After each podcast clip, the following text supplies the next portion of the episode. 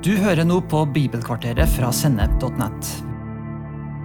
Vi har laga en serie på fire episoder om et tema mange har en mening om, nemlig fortapelsen, eller helvete.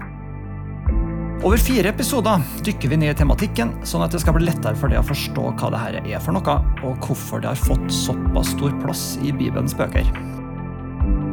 Har du spørsmål eller kommentarer til episodene, så send oss gjerne en e-post til post.sennep.net. Vi hører gjerne fra deg. God lytting.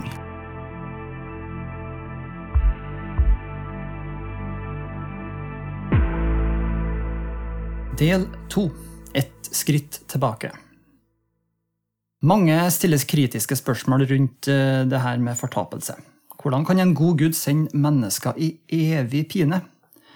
Og er ikke alt dette snakket om helvete skadelig når det skaper så mye frykt og uro blant folk? Jeg tror at For oss kunne svare på dette, så må vi ta et eh, skritt tilbake. Og det er å stille spørsmålet hvorfor fortapelse i hele tatt er et tema i Bibelen. Og hvor kommer det her med frelse inn i bildet? Og Det er det jeg skal snakke om i denne eh, andre episoden. For å forstå noe av det her, så er vi nødt til å skru av eh, autopiloten ved å tolke Bibelen med moderne og sekulære briller. Vi må innse at Bibelen er skrevet for mennesker til alle tider og alle kulturer, og at den sier noe viktig om noen ting som eh, vi ikke nødvendigvis tenker så mye på i vår vestlige verden.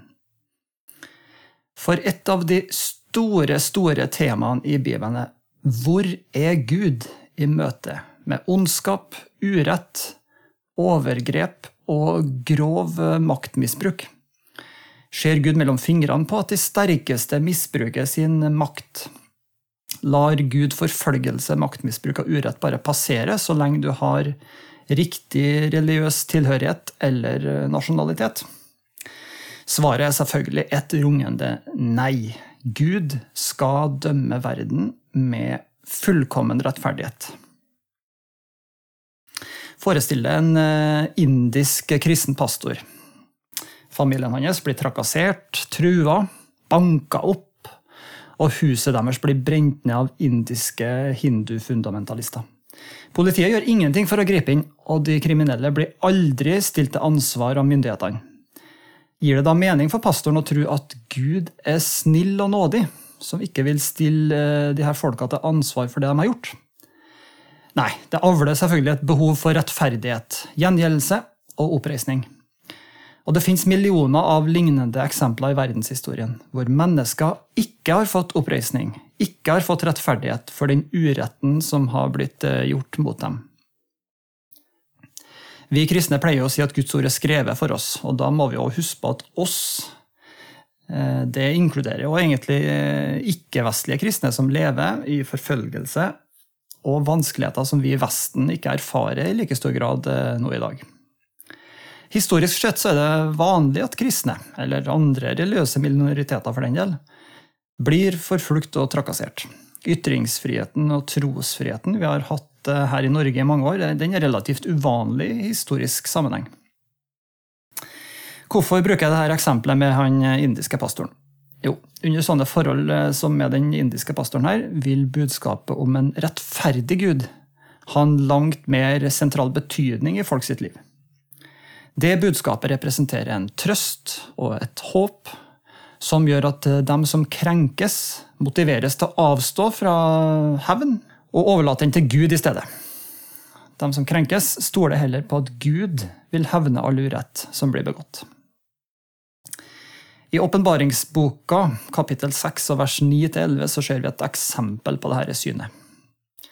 Da lammet brøt det femte seglet, så så jeg under alteret sjelene til dem som var blitt slakta for Guds ords skyld og for sitt vitnesbyrd.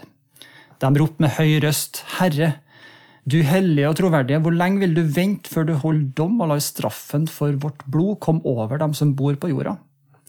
Da fikk hver en av dem en hvit kappe, og det ble sagt at de skulle holde seg i ro enda en liten stund, til tallet på de medkjennerne og søsken som skulle bli drept som dem, var fullt. Bibelens ord om dom og fortapelse er altså ment til å besvare viktige spørsmål i tilværelsen. Det kristne håpet forutsetter at Gud er mektig nok til å gjennomskue synd, skjulte motiver, lettvinte bortforklaringer, kamuflert sjølgodhet, religiøse bekjennelser uten reelt innhold. Håpet forutsetter at Gud ikke har integritet til å se mellom fingrene på at de sterke og de mektige i verden får spillerom til å utnytte og undertrykke andre. Teolog og forfatter Chris Morgan er inne på noe av dette i boka Hell Under Fire. Han skriver For de kristne forfatterne var det sånn at eh, fortapelse ikke er stilt, men besvart spørsmålene rundt Guds rettferdighet. Morgan påpeker at apostlene brukte læren om fortapelsen til å trøste de troende, som led forfølgelse og som gjennomgikk grov ondskap.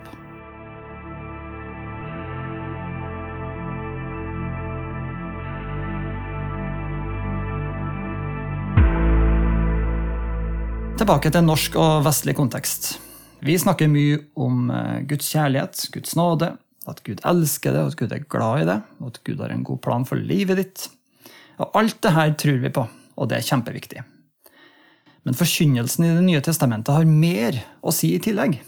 Den har en større kontekst, og den har et mer kollektivt fokus.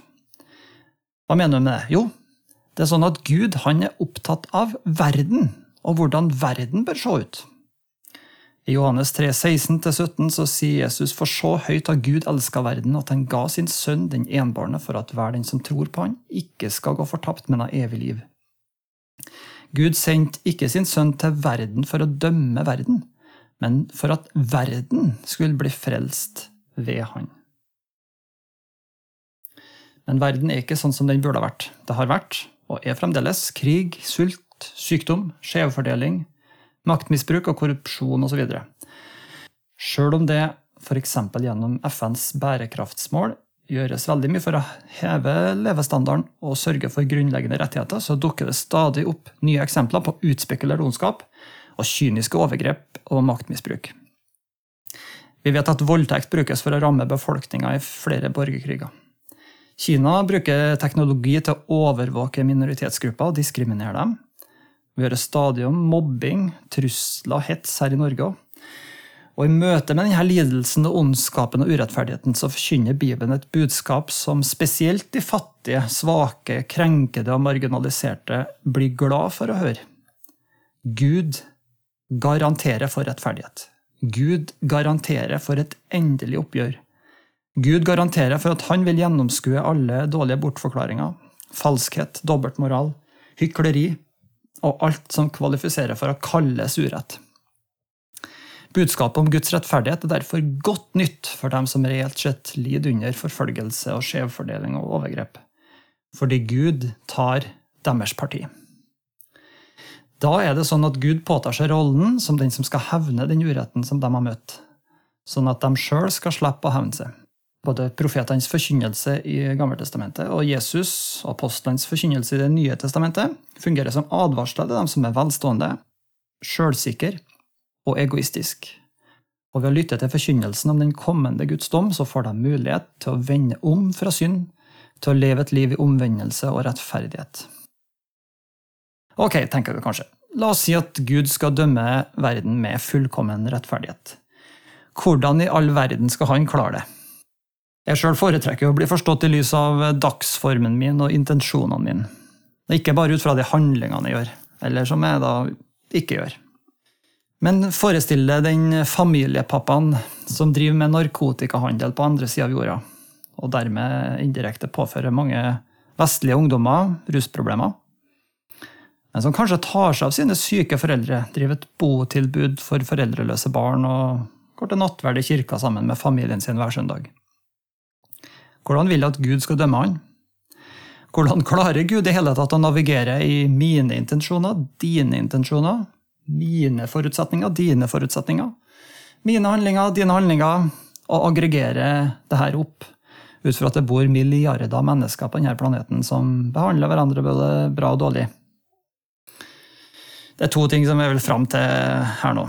For det første, for oss mennesker i denne tilværelsen er det umulig å dømme enkelt personer med fullkommen rettferdighet. Og Det er fordi at vi vet ikke nok om hverandre. Du er nødt til å være Gud for å kunne dømme alle mennesker på en rettferdig måte. For det andre, hvis Gud skal dømme oss etter det vi har gjort, så har ingen av oss en sjanse. Men hvis Gud dømmer oss etter det han har gjort gjennom Jesu død på korset, så har alle en sjanse. For når Gud tok et generaloppgjør med all synd, all hykleri, all urett og ondskap i denne verden, så valgte han å ta straffen sjøl gjennom Jesu død på korset. Og det forandra spillereglene i Guds rettferdige dom over verden. Og gjør at vi trenger å ta inn over oss et gammelt og klisjéprega ord i Bibelen, men som er verdens mest frigjørende ord frelse.